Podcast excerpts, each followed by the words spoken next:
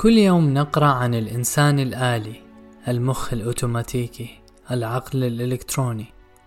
ونسمع عن اختراع رادار لحراسة الخزائن وابتكار أذن لاسلكية لضبط اللصوص ورئة صناعية للمصابين بالشلل. وكلية صناعية لمرضى البولينا وقلب بلاستيك لمرضى القلب. هل معنى هذا أن العلم يستطيع أن يسوي لنا إنسانا يحس ويشعر ويمشي ويتكلم مثله مثلنا بمجرد تركيب بعض الوصلات الكهربائية واللمبات والبطاريات ترانزستور؟ إن رجل الشارع حينما يقرأ هذه الأخبار يضحك ويقول بسذاجته المألوفة بقى معقول يخلقوا بني آدم؟ طيب وحينفخوا فيه الروح منين؟ وهي ليست ملاحظة ساذجة. إن هذه الملاحظة هي الفارق الوحيد العميق بين الآلة والإنسان. إن أي اختراع من ساعة اليد إلى القنبلة الذرية إلى صاروخ القمر هو مجرد لعبة بزنبلك. لعبة ليس فيها مخ ولا روح ولا إرادة. لعبة لا تستطيع أن تريد لنفسها. وإنما تتوقف على ما تريده أنت لها حينما تدير زنبلكها وتضبط عقاربها الآلة الكاتبة تكتب ما تمليه أنت عليها ولكنها لا تستطيع أن تؤلف لنفسها شيئا.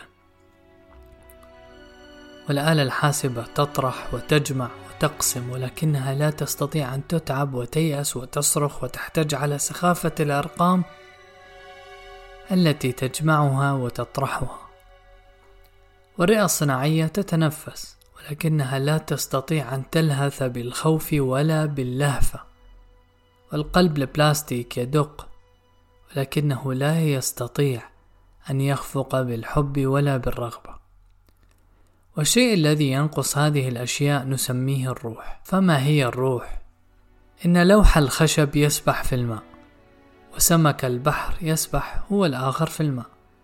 ولكن لوح الخشب ليست له إرادة. إن كل ما يفعله أنه يسلم نفسه للتيار يقذف به إلى اليمين وإلى اليسار إلى الأمام وإلى الخلف ويسلم نفسه للقوانين الطبيعية فترفعه إلى فوق بحكم كثافته الخفيفة ويسلم نفسه إلى عوامل الفساد والتلف تأكل فيه حتى يذوب ويتفتت إلى تراب.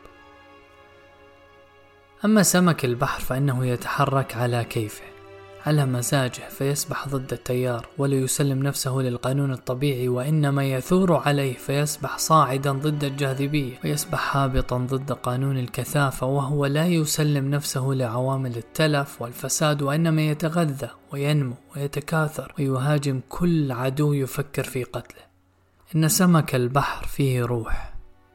دودة القطن وعود من أعواد المعكرونة كلاهما يتلوى في يدك وكلاهما رخو دودي ولكنهما مفترقان فيما عدا هذا المظهر ومختلفان جدا. عود المكرونة تجففه الشمس وتذيبه الرطوبة ويأكله النمل وهو يستسلم لكل هذه العوامل بلا حيلة أما دودة القطن فإنها تقاوم كل هذه العوامل بإرادة عنيدة فيها وهي تفعل ما هو أكثر من هذا إنها تأكل التوكسافين.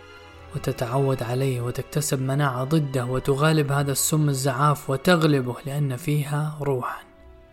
حبة من الحصى وحبة من الذرة قد تتشابهان والنحات يستطيع أن ينحت من الحجر بذرة لا يمكنك أن تفرقها من بذرة الذرة. ولكن إذا زرعت الاثنين فإن كلا منهما سوف تختلف كثيرا عن الأخرى. حبة الحصى سوف تغوص في الطين وتشدها جاذبية الأرض. وحبة الذرة سوف يخرج منها جنين ينمو إلى فوق كالمقذوف ثائرا على جاذبية الأرض وصاعدا بأوراقه الخضراء إلى الشمس. إن حبة الذرة فيها روح. ما هي الروح إذا؟ الروح ثورة على الضرورة والقوانين الآلية. إنها حرية وذاتية وكيان وشخصية وإرادة. ونحن نقول إن الإنسان له روح لأنه لا يمكن إدارته بزنبله ولا شيء يديره سوى مزاجه وكيفه وحريته وهواه. والحلم لن يستطيع أن يصنع إنسانا لأنه لا يصنع إلا الزنبلكات. ولا يبتكر إلا الماكينات والآلات التي يستغل فيها القوانين الطبيعية التي اكتشفها. إنه يدور دائما في نطاق الآلات والموضوعات المعقولة المنطقية.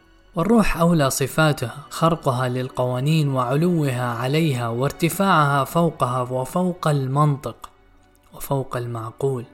ولهذا فهي متجددة أبدا لا يمكن التنبؤ بمكنونها. في الإمكان التنبؤ بكسوف الشمس حركة القمر ولكن من المستحيل التنبؤ بالنوايا المكنونة في نفس بشرية لأنها لا تخضع لقانون سوى قانونها وهواها ومزاجها. وفي كلمة واحدة فيها روح فيها سر فوق متناول أي قوة الروح حرية إنها بدء مطلق لا سيطرة لأحد عليه. الإنسان فيه روح لأن فيه حرية.